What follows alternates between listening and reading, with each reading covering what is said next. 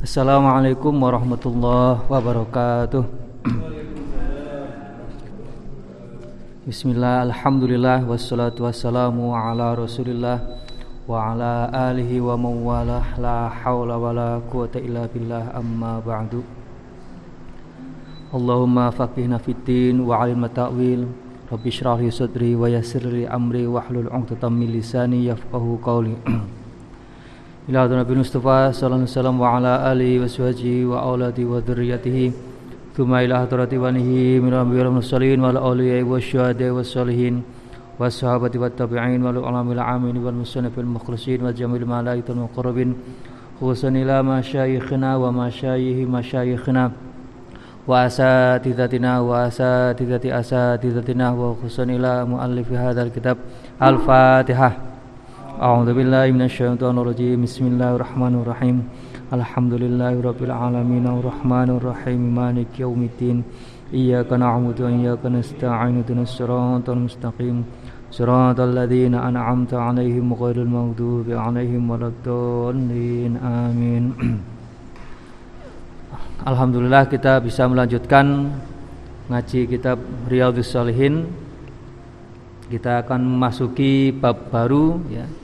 yaitu bab yakin dan tawakal ya. Al yakinu wat tawakul. Wat tawakul, yakin dan tawakal. Bismillahirrahmanirrahim. Babun fil yakini wat tawakuli. Babun utawi iki utawi iki kubab fil yakini ing dalam yakin bab yakin wat tawakuli lan tawakal bab menerangkan tentang yakin dan tawakal. Nah ini yakin wa tawakul, yakin dan tawakal dua-duanya sudah menjadi bahasa Indonesia ya. Yakin, yakin ya yakin ya, tidak ragu ya. Pasti ya. Pasti ini ya, pasti bukan begitu ya. Itu namanya yakin ya. Jadi e, percaya sepenuhnya tidak ragu sama sekali. Ya. memastikan. Nah itu namanya yakin. Nah kalau tawakal ya tawakal juga sudah jadi bahasa Indonesia ini. Tawakal itu artinya kita bersandar bersandar kepada Allah ya. Pasrah kepada Allah ya. Menyerahkan sepenuhnya kepada Allah mempercayakan sepenuhnya kepada Allah ya. Nah itu namanya tawakal Nah, kenapa ini bab yakin dan tawakal digabung jadi satu ini oleh e, pengarangnya oleh Imam Nawawi ya. Yakin dan tawakal.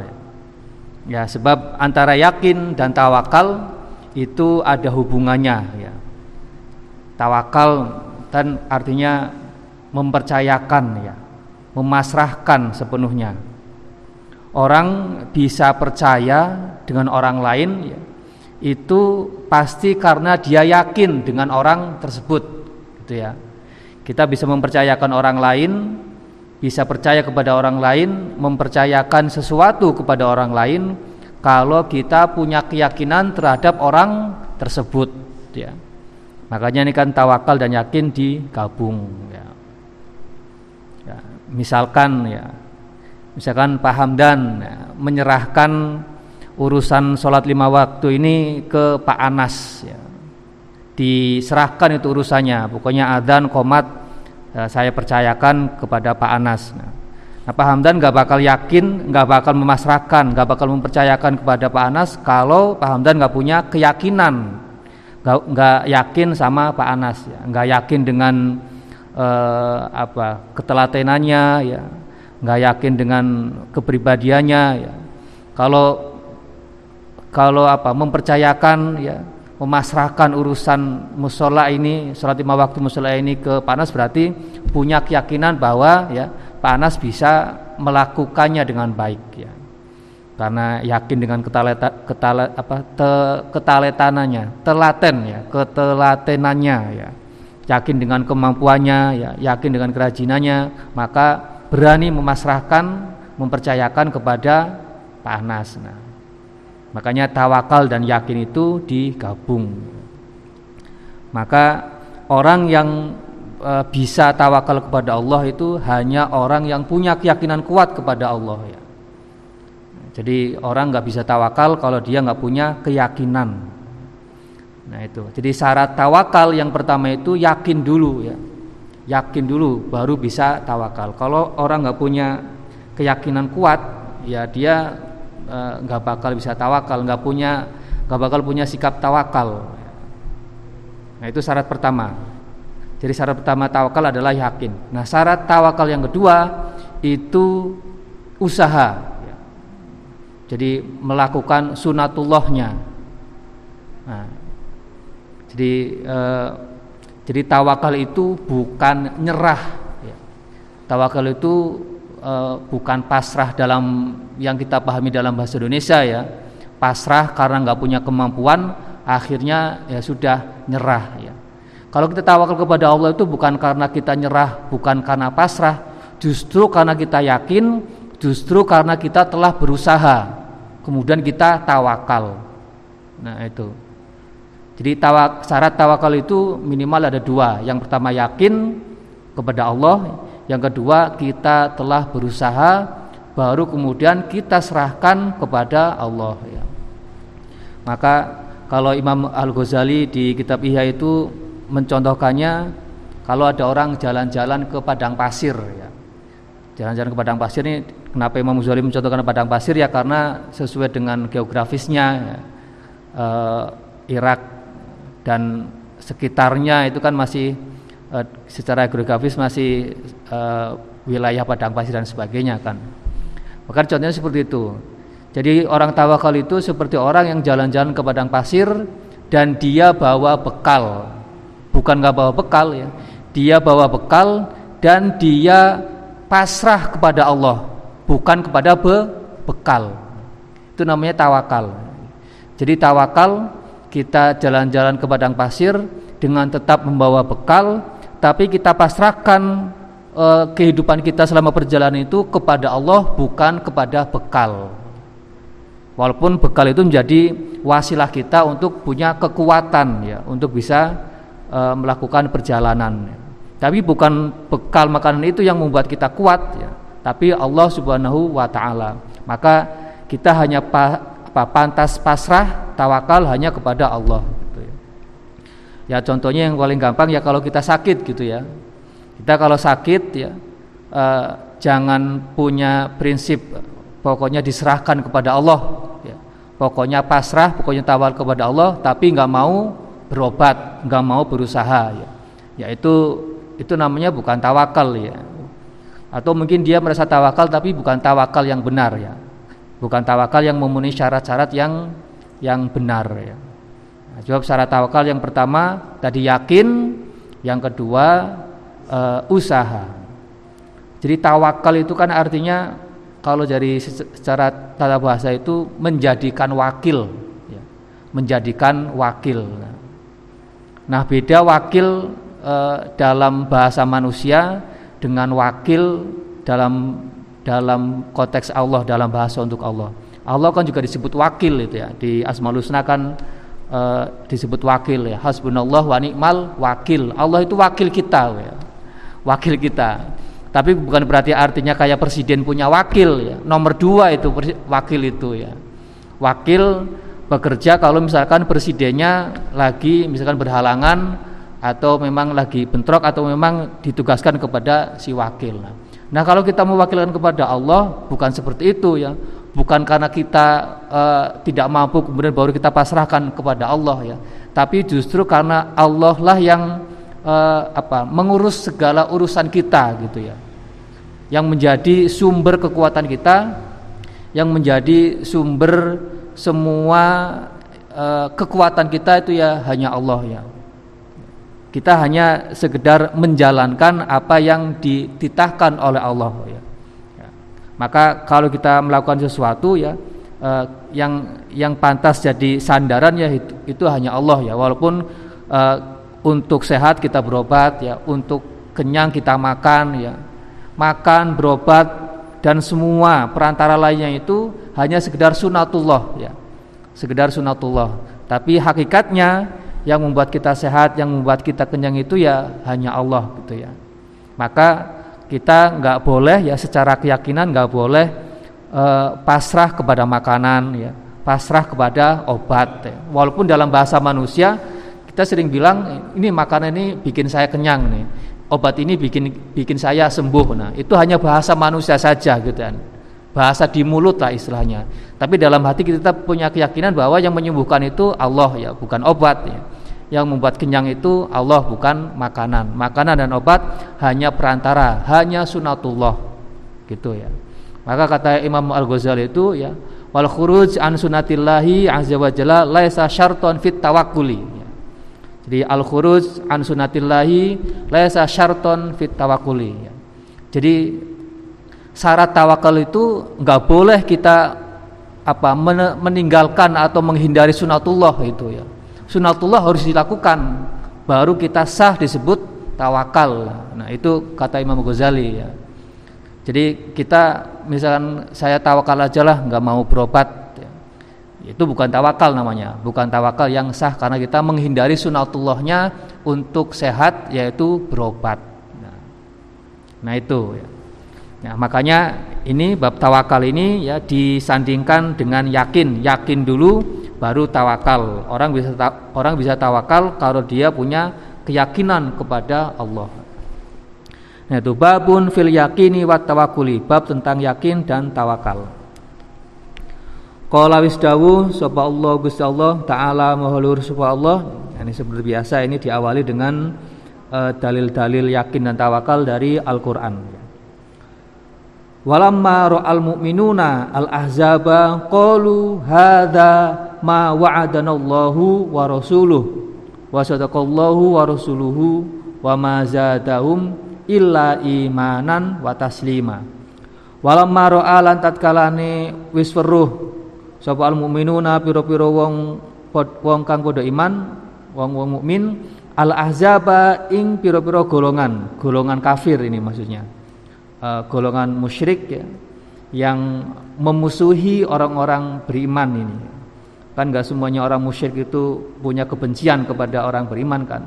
Jadi ini golongan-golongan uh, kafir musyrik yang punya kebencian ya, yang tidak senang dengan orang-orang Islam dengan orang-orang mukmin.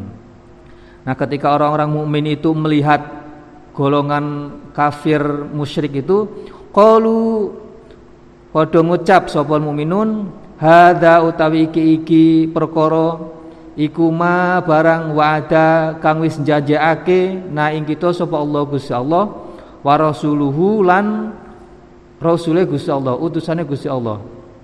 Wa sadaqa lan wis bener sapa Allah Gusti Allah wa rasuluhu lan rasule Gusti Allah.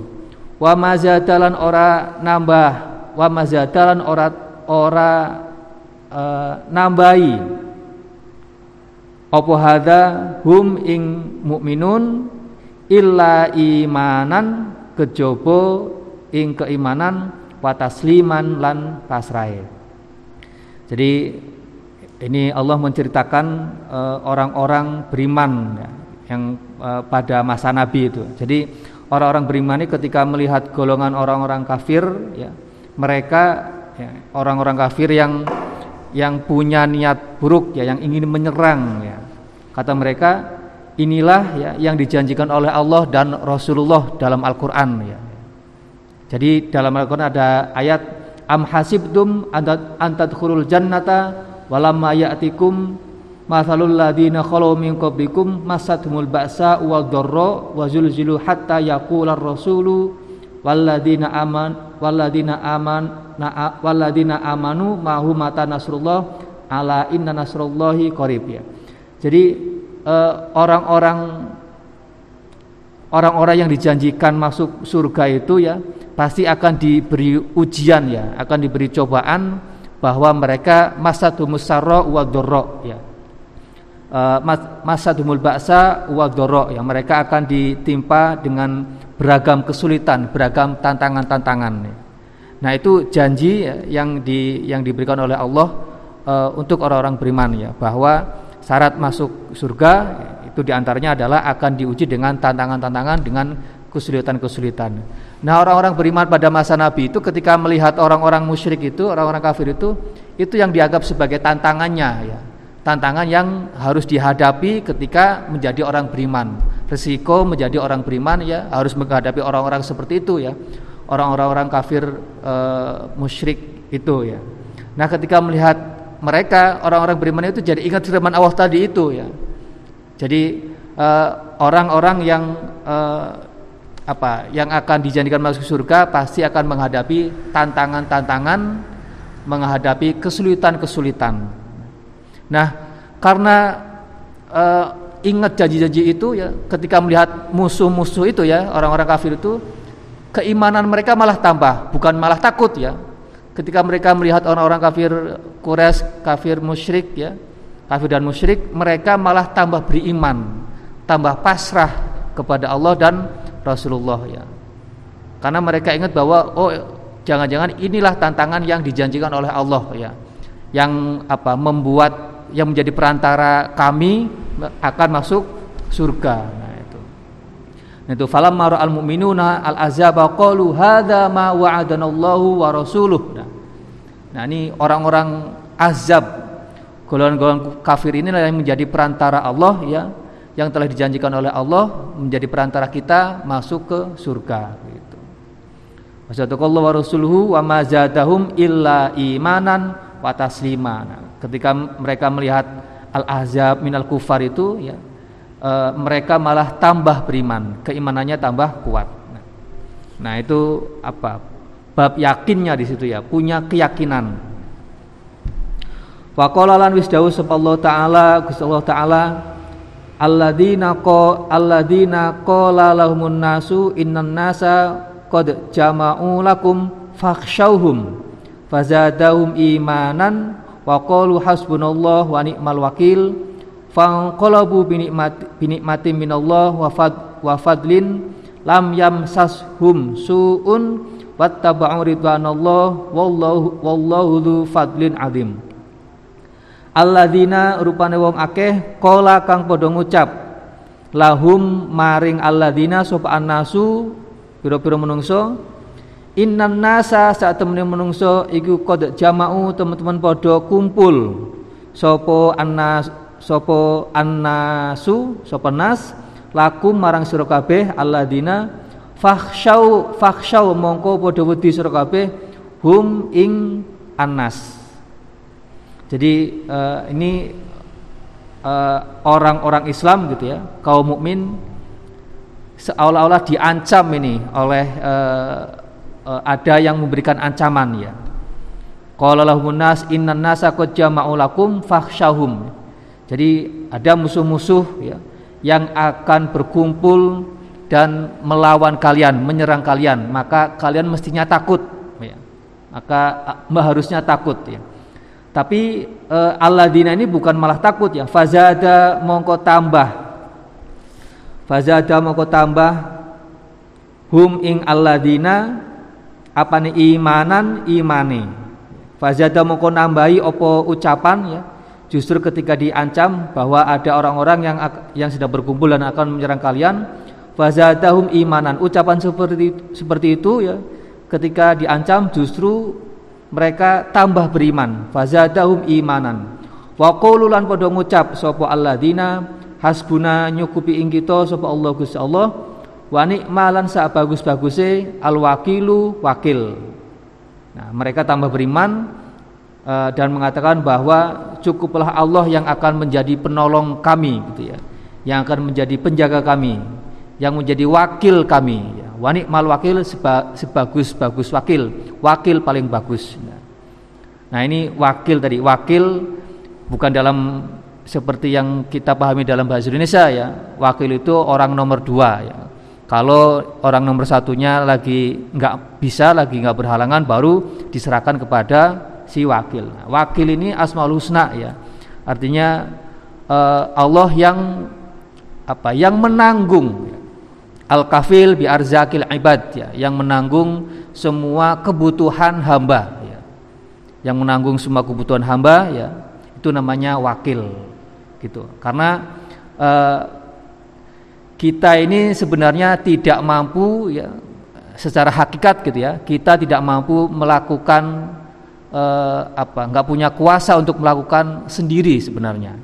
Ya, kita punya kudroh kita punya kuasa karena kita diberi kuasa oleh Allah baru kemudian kita punya kuasa ya.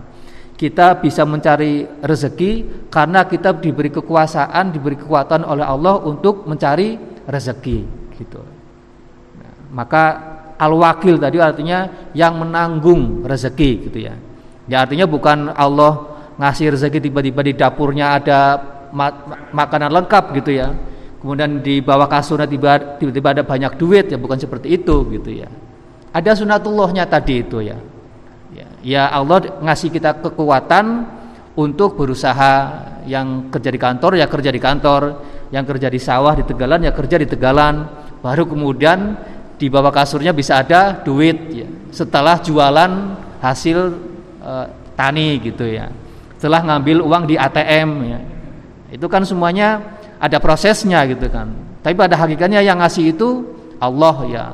Tapi ada jalannya, ada sunatullahnya. Allah ngasih kekuatan, Allah ngasih e, kerjaan ya, dan seterusnya baru kemudian kita bisa dapat rezeki. Nah, itu namanya wakil. Al-kafil bi arzakil ibad ya, yang menanggung rezeki para hamba ya. Asbunallah wa ni'mal wakil. Fangkolabu mongko podo bali sopo alladina binikmatin kelawan gawa nikmat minallahi saking Gusti Allah wa fadlin lan keutamaan kanugrahan. Lam yamsas kang ora apa menyentuh tit ora demek ya hum ing alladina apa suun keelean kejelekan? Wattabaulan podo podo melu mengikuti sapa alladzina ridwanallahi ing keridhaan Gusti Allah. Wallahu ta'ala Gusti Allah iku dzu fadlin kang anduweni fadl kanugrahan azimin kang agung kang gede wa qala lan wis dawuh sapa Allah taala Gusti Allah taala wa tawakkal alal hayyil ladzi la yamutu. Wa tawakkal lan padha tawakal sira? Alal hayyi ing atase zat kang moho urip ya Gusti Allah ya. Alladzi kang la yamutu ora mati sopo alladzi? Bertawakallah kepada Allah zat yang maha hidup yang tidak akan pernah mati. Nah, jadi Allah ya ya Allah itu ya tidak akan mati ya atau kalau dalam uh, sifat 20 itu namanya bakok ya abadi ya. jadi Allah itu ya tidak bermula dan tidak berakhir. Tidak ada awalnya tidak ada akhirnya ya. Kodimun bakoun ya. Kodim ya tidak eh, apa tidak bermula bako dan abadi gitu ya. Ya kalau Allah bermula Allah ada awalnya terus yang ngawali siapa gitu kan yang yang sebelum ada Allah siapa gitu Makanya kan tidak ada awal bagi Allah gitu ya. Jadi kalau kalau ada awal pasti ya e, ada yang ngawali gitu ya. Kalau ada yang ngawali siapa? Masa ada di atas Allah di atas Tuhan kan nggak mungkin ada seperti itu ya. Maka Allah itu la awwalalahu, tidak berawal wala wala akhiralahu ya. dan tidak ada akhir untuk Allah. Alladzi la yamutu yang tidak akan mati ya. Faqala lan dawuh sapa Allah taala wa 'alallahi falyatawakkal falyatawakkalil mu'minun wa 'alallahi lan ing atase Gusti Allah falyatawakkal lan beci mongko beci padha tawakal sapa al mu'minuna wong kang padha iman.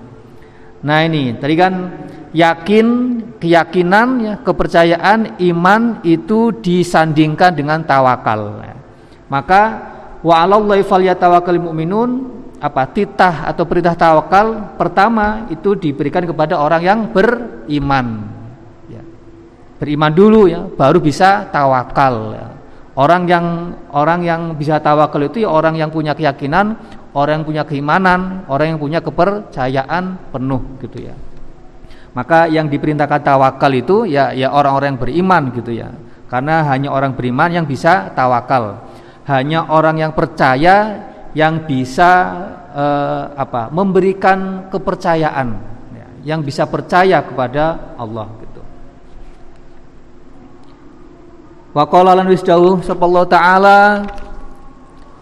Faida azamta fatawakkal 'ala Allah. Faida azamta mongko tatkalane nejo sapa sira atau apa? Bertekad sapa sira fatawakkal mongko tawakal sapa sira 'ala Allah ing atase Gusti Allah. Innallaha yuhibbul mutawakkilin ya. Jika jika engkau jika kita sudah apa? Uh, niat melakukan sesuatu ya, sudah tekad sudah bulat tekadnya maka tawakallah kepada Allah gitu ya. Jadi e, secara apa ya secara psikologi ini kan e, baik ini ya tawakal itu ya. Jadi sebelum berusaha ya kita sudah punya apa cantolan ya. sudah punya apa gandolan sehingga ketika kita gagal ataupun berhasil ya, kita tetap uh, tetap stabil secara mental gitu ya. Tetap stabil secara mental. Kalau kita gagal kita yakin pada ada Allah yang akan menolong. Kalau berhasil tambah syukur ya. Karena uh, keberhasilan kita itu tidak akan terwujud kalau tidak ada Allah yang membantu jadi tawakal itu dari awal sudah mematok bahwa Allah yang membantu kita, ya, yang menentukan kita berhasil atau tidak. Kita hanya berusaha. Nah, makanya kalau orang punya sikap tawakal gitu ya, kalau gagal dia nggak depresi, nggak stres, kalau berhasil dia tambah syukur. Gitu. Nah itu secara apa? Secara spiritual gitu ya. Faidha azamta fatawakal Allah ya. Jadi tawakal itu bukan apa? Bukan setelah berusaha, bukan setelah selesai ini. Faidha azamta baru niat ya. Baru bertekad ya. Sudah disuruh tawakal, fatawakal ala Allah ya. Bukan sudah selesai uh, urusan baru kemudian ya udah diserahkan kepada Allah. Tapi sejak awal kita sudah masang tawakal itu ya. Bahwa apa yang akan kita lakukan ya, upaya yang kita lakukan kekuatan yang kita lakukan itu juga dari Allah gitu ya. Itu. Faida azamta fatawakal ala Allah. Ya. wal ayatu tapi berburu ayat fil amri ing dalam perintah bitawakuli kelawan tawakal iku kathiratun akeh maklumatun tur kinawurwan ya. jadi ayat-ayat tentang tawakal itu cukup banyak yang tadi disebutkan hanya sebagian saja contoh contoh ya Faqala lan wis ngucap wis dawuh sapa Allah taala wa may yatawakkal 'ala Allah fa huwa hasbuh. Wa man utawi sapane wong iku ya tawakal, tawakal sapa man 'ala Allah ing atas Gusti Allah, fa huwa mongko utawi Gusti Allah iku hasbuh kang nyukupi ing man.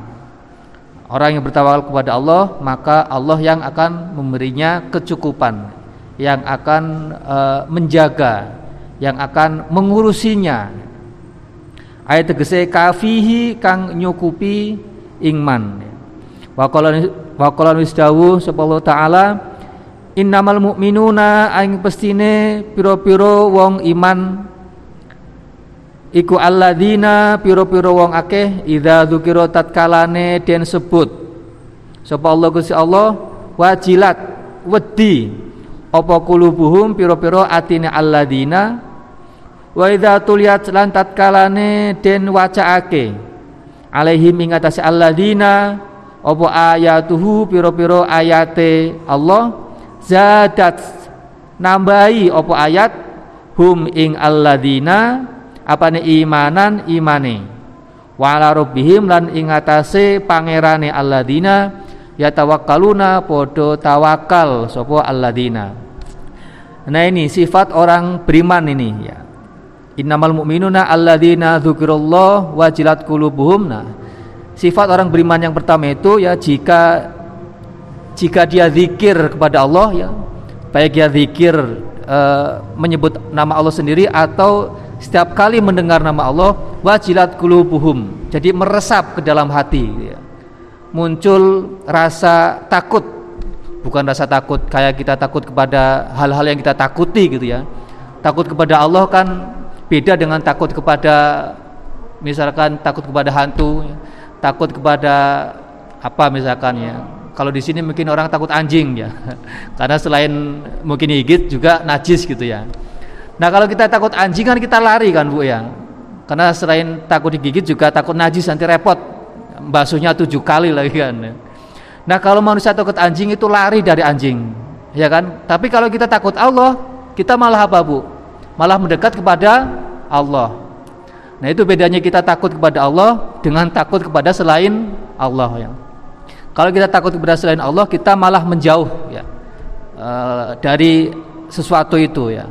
Tapi kalau kita takut kepada Allah, kita malah mendekat kepada Allah gitu ya. Apalagi lagi pas susah-susah ya, lagi banyak butuh kepada Allah, tambah dekat sama Allah itu. Gitu. Jadi bukan cuma takut, tapi juga pas lagi butuh itu pasti e, jauh lebih dekat kepada Allah gitu ya. Nah, wajilat kulubuhum. Nah, itu sifat orang beriman. Jika dia zikir kepada Allah atau dia mendengar nama Allah disebut, wajilat kulubuhum.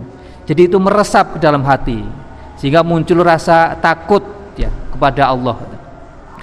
Nah, yang kedua, wa idza tuliyat alaihim ayatu zadathum imana.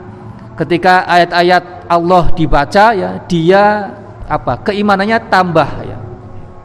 Ayat-ayat ini ya kalau Al-Quran sudah pasti gitu ya tapi bukan cuma ayat Al-Quran saja gitu ya tapi tanda-tanda kekuasaan Allah ya semua tanda-tanda kekuasaan Allah ya. ayat Al-Quran sudah pasti gitu ya kalau kita bisa paham ayatnya gitu ya tapi kita kadang walaupun kita nggak paham uh, Al-Quran juga kadang kalau kita mendengar ayat Al-Quran ada perasaan yang beda ya ketika uh, uh, apa bacaan-bacaan lain yang kita dengar ya. Karena mungkin ada sesuatu di dalam Al-Qur'an tersebut ya. Apalagi kalau kita tambah paham maknanya gitu ya. Nah, itu. Kalau kita mendengar bacaan-bacaan Al-Qur'an ya iman kita tambah ya. Karena ngerti apa yang ada di dalam bacaan tersebut ya. Termasuk ya ayat-ayat atau tanda-tanda yang ada di alam semesta gitu kan ya. Jalan-jalan ke mana gitu ya ke laut ya. Kita tambah apa uh, zikir gitu ya subhanallah masya Allah dan sebagainya. Itu kan semuanya uh, apa zikir-zikir yang membuat kita ingat kepada Allah ya. Tambah beriman kepada Allah. Nah.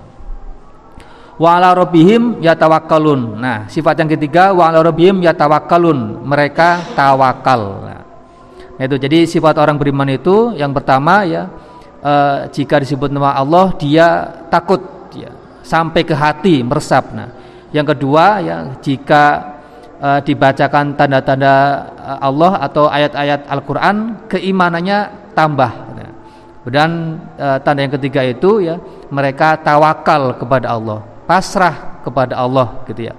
Mempercayakan kepada Allah ya setelah punya keyakinan itu ya.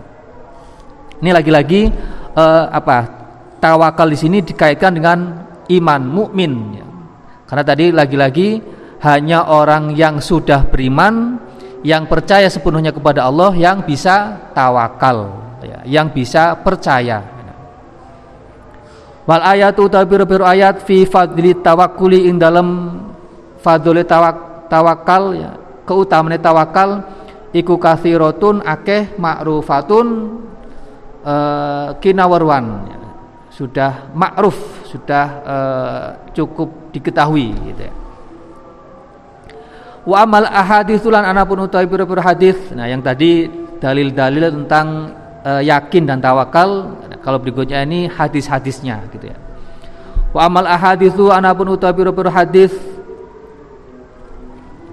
iku fal awalu mongko utawi kang pertama An Ibni Abbasin sanging Ibnu Abbas radhiyallahu muga-muga paring ridho sapa Allah Gusti Allah anhuma saking Ibnu Abbas ya. Ibnu Abbas uh, uh, Ibnu anaknya dan Abbas. Jadi ini bapak dan anak ini sama-sama sahabat Nabi Muhammad ya. Maka anhuma kepada dua orang. Walaupun ini hadisnya meriwayatkan satu orang Ibnu Abbas. Ini sepupu Nabi Muhammad Ibnu Abbas itu ya. Ya, jadi Nabi Muhammad kan punya beberapa sepupu ya. Uh, Ibnu Abbas termasuk Ali bin Abi Thalib itu kan uh, sepupuan dengan Nabi kan ya Nah kalau Ibnu Abbas sepupu Nabi mewarisi keilmuan ya mewarisi riwayat-riwayat hadis ini makanya Ibnu Abbas itu salah satu sahabat yang uh, paling banyak meriwayatkan hadis dari Nabi Muhammad ya hadisnya ribuan itu ya. Nah kalau sahabat Ali itu sepupu Nabi mewarisi kepemimpinan kepemim, apa kepemimpinan Nabi Muhammad ya. Makanya kan jadi khalifah keempat kan ya. Mewarisi kekhalifahan kepemimpinan umat ya e, jadi beda karakter ini ya Ibnu Abbas dan Ali bin Abi Thalib ya ada sepupu Nabi Muhammad yang lain perempuan namanya, namanya Zainab bintu Jashin. Nah kalau Zainab bintu Jashin ini malah dinikahi oleh Nabi sendiri. Ya. Jadi Nabi itu ya, nikah salah satu istrinya sepupunya sendiri gitu ya. Jadi Nabi nikah dengan sepupu. Ini kan uh, di apa? Kalau di pesantren-pesantren kan banyak ya apa relasi antar sepupu ya pernikahan antar sepupu karena pengen menguatkan kekerabatan ya kekeluargaan antar pesantren ya kakak adik punya pesantren kemudian anaknya dijodohin ya untuk menguatkan kekerabatan ya ini bisa jadi karena nyontoh Nabi menikah dengan dengan sepupu beliau itu Zainab bintu Jashin ya tapi eh, sebagian ulama itu tidak menganjurkan ya. Tidak menganjurkan pernikahan antar sepupu walaupun Nabi sendiri menikah dengan sepupu ya. Sebab kata eh, apa alasan para ulama fikih itu ya kenapa tidak menganjurkan pernikahan antar sepupu itu karena eh, terlalu dekat kekerabatannya itu ya. Sepupu itu kan terlalu dekat ya. Kakak adik punya anak kemudian dinikahkan terlalu dekat secara kekerabatan nah itu setelah diteliti ya dalam penelitian modern itu memang pernikahan yang terlalu dekat itu ya secara gen buruk ya, tidak terlalu baik ya. Akan berefek secara genetis ya. E, bisa berpotensi menimbulkan gangguan terhadap e, kondisi si anak yang diturunkan ya. Kalau kalau mungkin nggak anaknya langsung ya bisa ke cucunya ya. Itu penelitiannya seperti itu ya. E, ada pengaruh secara genetis ya. Karena masih terlalu dekat kekerabatannya ya Makanya kan pernikahan eh, apa apa namanya saudara kakak adik itu kan dilarang kan eh, or apalagi orang tua dengan anak itu kan haram hukumnya kakak adik eh, paman keponakan itu sangat dekat ya tapi antara sepupu itu batas apa namanya batas maksimal. Batas maksimal atau minimal itu ya. Batas ambang batas pokoknya. Ambang batas boleh menikahi kerabat dekat ya. Tapi tidak dianjurkan ya. tapi tidak dianjurkan dengan alasan tadi itu kesehatan ya.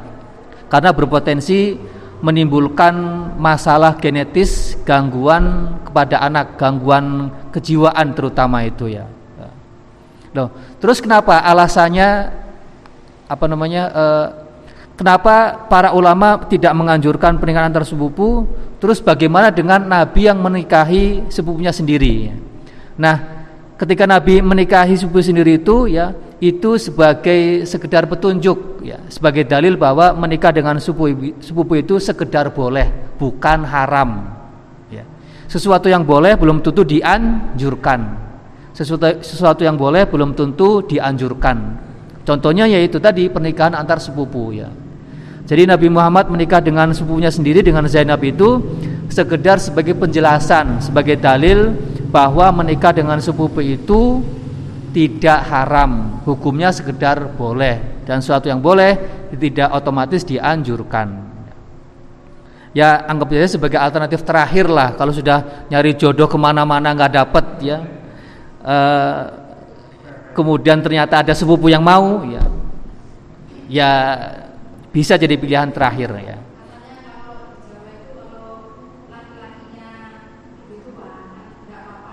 nggak apa-apa. Nah,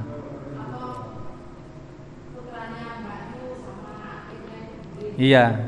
Ya pokoknya hubungan sepupu apa pun ya mau seperti itu mau sepupu apa pun pokoknya selama sepupu menurut Islam itu hukumnya boleh ya. Pernikahan sepupu itu boleh. Mau hubungannya seperti apa pokoknya sepupu itu boleh. Mau lebih tua yang laki-lakinya atau apa namanya perempuannya ya pokoknya itu boleh. Ya. Tapi secara medis ya itu tidak dianjurkan, ya, tidak dianjurkan gitu ya. Iya memang seperti itu. Jadi potensinya seperti itu ya. Potensinya seperti itu ya. Karena gennya itu terlalu dekat. Ya, gen yang terlalu, yang terlalu dekat itu tidak bagus gitu ya. Maka kalau menurut ulama fikih itu pernikahan yang lebih baik itu eh, boleh kerabat tapi yang sudah sangat jauh ya. Sudah sangat jauh ya. Apa contohnya kerabat yang sangat jauh? Ya kalau lagi halal bihalal itu ya. Kita sudah nggak tahu kira-kira ini hubungannya apa dengan saya gitu kan kita tahunya ini bani siapa gitu kan bani Bukhari misalkan tapi kita nggak tahu hubungannya apa jalurnya ke mana itu itu sudah dianggap sebagai kerabat jauh itu nah pernikahan seperti itu uh, itu lebih baik alasannya kenapa karena bisa menguatkan persaudaraan gitu ya yang sudah dari awalnya sudah saudara tapi kan nggak kenal ya maka bisa dikuatkan dengan pernikahan seperti itu gitu. Nah, pernikahan yang yang yang kedua yang lebih baik itu ya dengan orang lain dengan ajnabiyah istilahnya itu, dengan orang-orang asing gitu ya. Kayak saya dengan Divide kan orang asing ya, saya dari Jawa Timur, eh saya Jawa Tengah, dari Jawa Timur ya. Atau Pak Hamdan dengan Bu Elo itu kan nggak kenal awalnya itu, itu namanya ajnabiyah. Ya. Itu pernikahannya lebih baik seperti itu ya. Jadi yang nggak kenal sama sekali uh, uh, awalnya. Mungkin kalau kalau mau antar negara misalkan gitu ya. Tapi kalau antar negara pasti ada permasalahan budaya nanti yang malah repot ya. Tapi ya kalau mau dengan orang asing yang masih sesama negara saja gitu ya, yang yang nggak perlu repot-repot adaptasi uh, budayanya gitu ya. Tapi menurut ulama fikih ya pernikahan yang yang lebih baik itu yang pertama ya dengan kerabat tapi yang sudah sangat jauh yang sangat jauh antar sepupu dihindari sebaiknya dihindari gitu ya ya hmm.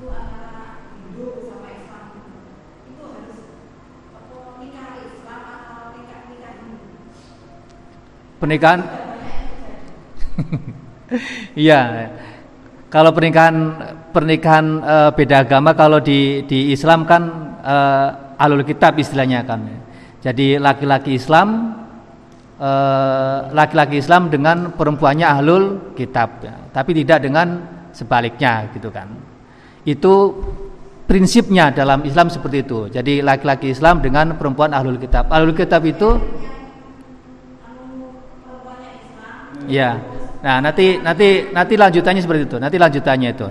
Jadi prinsipnya itu laki-laki alul kitab menikah dengan uh, eh perempuan eh, laki-laki muslim dengan perempuan ahlul kitab. Ahlul kitab itu siapa?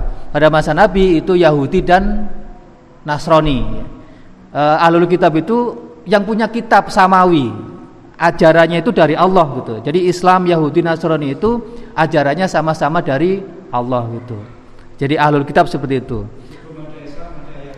Iya, sebelum ada sebelum Islam ada Yahudi dan Nasrani kan sama-sama dari Allah satu sumber gitu ya.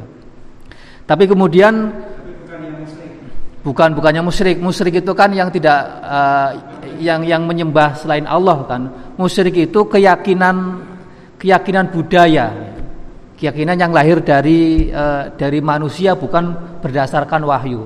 Islam, Yahudi, Nasrani itu keyakinannya berdasarkan wahyu makanya disebut samawi dari langit dari Allah alul kitab namanya. Nah itu yang diperbolehkan. Kemudian e, sering dengan perjalanan waktu akhirnya malah jadi banyak perdebatan ya. Perbedaan pendapat tentang kebolehan menikah laki-laki muslim dengan perempuan ahlul kitab. Nah akhirnya sampai sekarang para ulama cenderung tidak menganjurkan malah malah apa e, haram gitu ya paling ekstrim haram ya e, paling moderat mungkin itu tidak dianjurkan gitu ya. Itu dengan alul kitab, bukan dengan agama non samawi. Ya. Alul kitab tadi artinya Yahudi dan Nasrani. Kalau misalkan Hindu, Buddha, dan agama-agama di Indonesia selain Yahudi Nasrani itu bukan agama samawi dalam pandangan Islam, gitu ya. Maka yang diperbolehkan itu dengan ahlul kitab, gitu ya. Maka kalau kalau kita apa buat pegangan kita gitu ya, buat pegangan di kita ya uh, sebagai kehati-hatian ya kita milih pendapat yang yang yang jadi pegangan sekarang saat ini gitu ya, pegangan mayoritas gitu ya bahwa uh, saat ini masih uh, seperti itu ya. Sebaiknya hindari pernikahan semacam itu ya, pernikahan yang beda agama ya.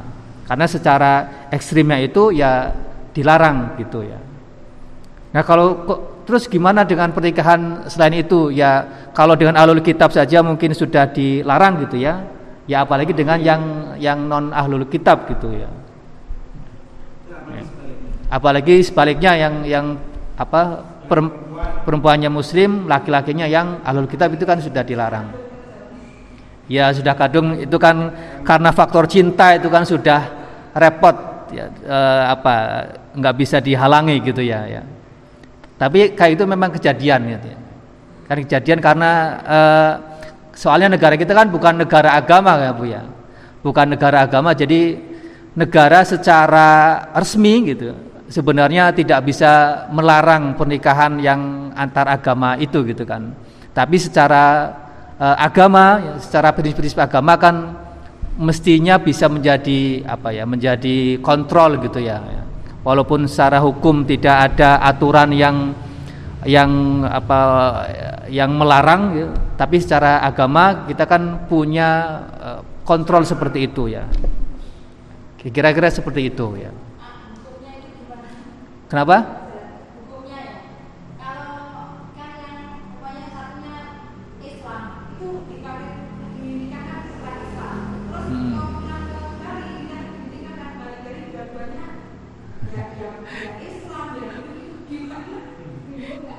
Iya, itu itu sudah di luar prinsip ya. Itu kan sudah di luar prinsip ya. Prinsipnya seperti itu ya. Kalau pernikahan beda agama itu secara prinsip yang diperbolehkan itu dengan ahlul kitab gitu ya. Dengan ahlul kitab, ahlul kitab itu dari pengertiannya Yahudi dan Nasrani ya.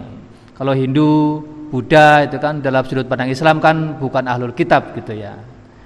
Nah, hukumnya gimana? Ya kalau dari sudut Islam ya tidak boleh gitu ya dari sudut Islam ya nggak boleh. Kalau dari sudut pandang negara, kayak apa itu hukumnya negara? Kayak masih ini juga ya, catatan sipil ya. ya. Bukan di KUA kalau pernikahan seperti itu ya. Nah itu. Ya, ya. Ya mungkin kalau di kampung sini pernikahan gitu kan nggak bisa kita bayangkan ada kan. Ya, ya kita sekedar bisa lihat di berita-berita ya antara artis biasanya yang yang banyak seperti itu kan ya. Dan gak, kan tidak menutup kemungkinan orang biasa juga seperti itu. Ada seperti itu. Iya, apalagi mungkin kalau di Iya, nah itu kan salah satu problemnya seperti itu kan ya. Uh, kalau secara keyakinan belum mantap ya akhirnya ya uh, akan menjadi sumber kebingungan seperti itu. Makanya ya salah satu uh, alasan pernikahan beda agama walaupun dengan alul kitab itu sebaiknya dihindari kan seperti itu ya. Untuk menghindari kebingungan-kebingungan keyakinan ya. Terutama mungkin terhadap mungkin si anaknya itu kan kira-kira uh, akan mengikuti keyakinan yang mana. Sementara orang tua pasti uh, kalau mungkin punya keyakinan yang mantap kan pengen anaknya kan sesuai dengan sama dengan keyakinannya gitu ya.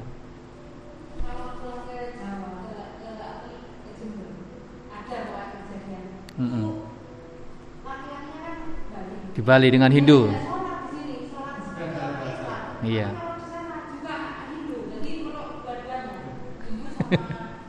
Iya, iya.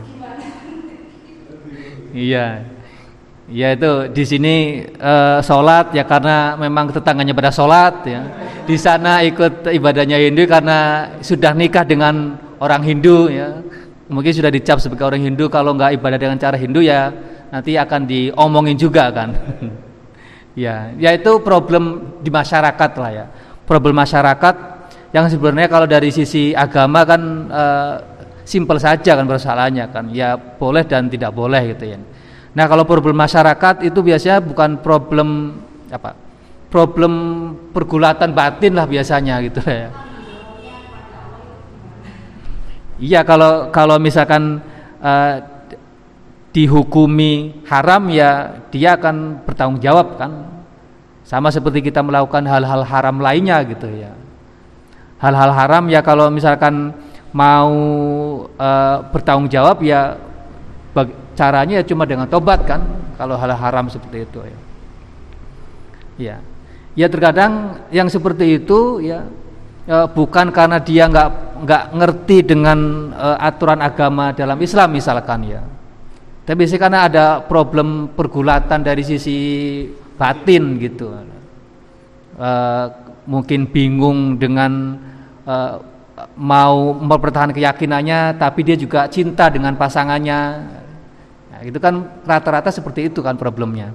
Makanya kalau ada pernikahan beda agama kemudian salah satunya uh, hanya karena pengen nikah kemudian pindah agama kan pada perjalanan berikutnya pindah lagi ya. akhirnya berpengaruh terhadap pernikahan itu sendiri ya pernikahan keutuhan pernikahan itu sendiri gitu ya ya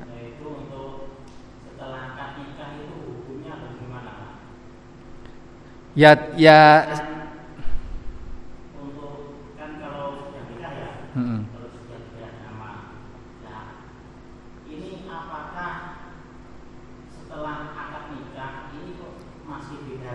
beda agama satunya sudah masuk Islam, kembali lagi hmm.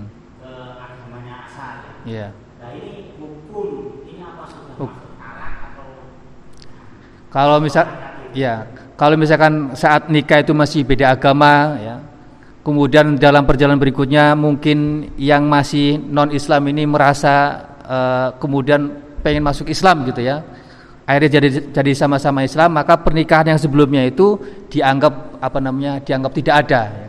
maka akadnya itu baru akadnya harus baru ya karena kan e, misalkan pernikahan dengan non Islam ya kan dianggap e, tidak sah kan di, dihukumi haram kan kalau kemudian menya, apa namanya terus melanjutkan pernikahan ya pernikahannya dianggap tidak sah ya maka kemudian kalau masuk Islam maka harus akad baru gitu ya sebagai pasangan Islam ya.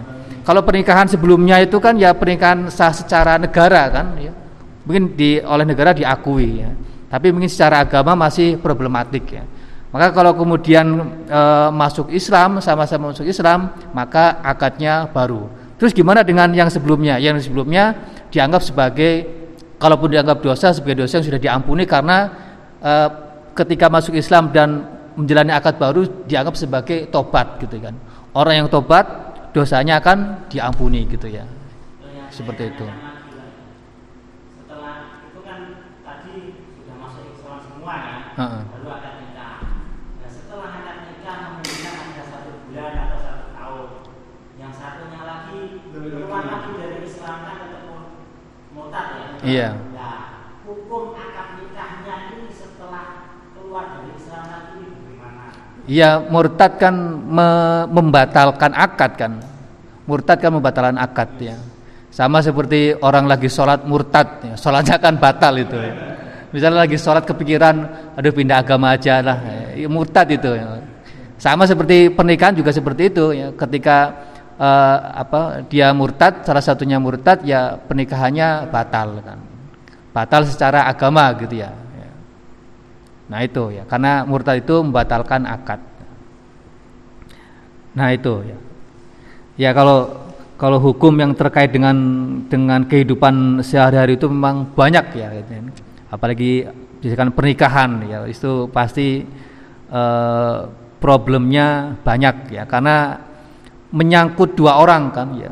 Kalau hukum yang menyangkut eh, orang per orang itu ya gampang gitu kan. Tapi ini menyangkut eh, dua orang itu problemnya juga pasti banyak gitu ya. apalagi menyangkut keyakinan gitu. Nah itu sampai mana tadi? Ya. Sampai Ibnu Abbas ya belum masuk ke hadisnya itu ya. Nah itu An Ibni Abbasin radhiyallahu anhuma itu. Jadi sepupu Nabi, sepupu Nabi yang mewarisi keilmuan Nabi Muhammad ya. Kalau sahabat Ali ya, itu sepupu Nabi yang mewarisi kepemimpinan Nabi Muhammad ya. Jadi macam-macam itu kan. Makanya jadi dalam keluarga itu ya penting uh, bukan penting ya uh, baiklah kalau punya banyak keturunan dan semuanya baik. Dan semuanya punya peran dalam berbagai bidang yang yang yang beragam ya. Bidang beragam ada yang ahli agama ada yang ahli ahli sipil ada yang ahli macam-macam gitu ya. Jadi jadi tidak tidak seragam ya. Sehingga dengan perbedaan e, bidang itu bisa saling melengkapi ya. Bisa saling mengisi bisa bisa saling e, menguatkan e, sebuah keluarga atau sebuah e, lembaga yang di apa namanya yang diasuh ya yang di apa uh, dimiliki oleh sebuah keluarga gitu ya. Nih, wassalamualaikum warahmatullahi wabarakatuh.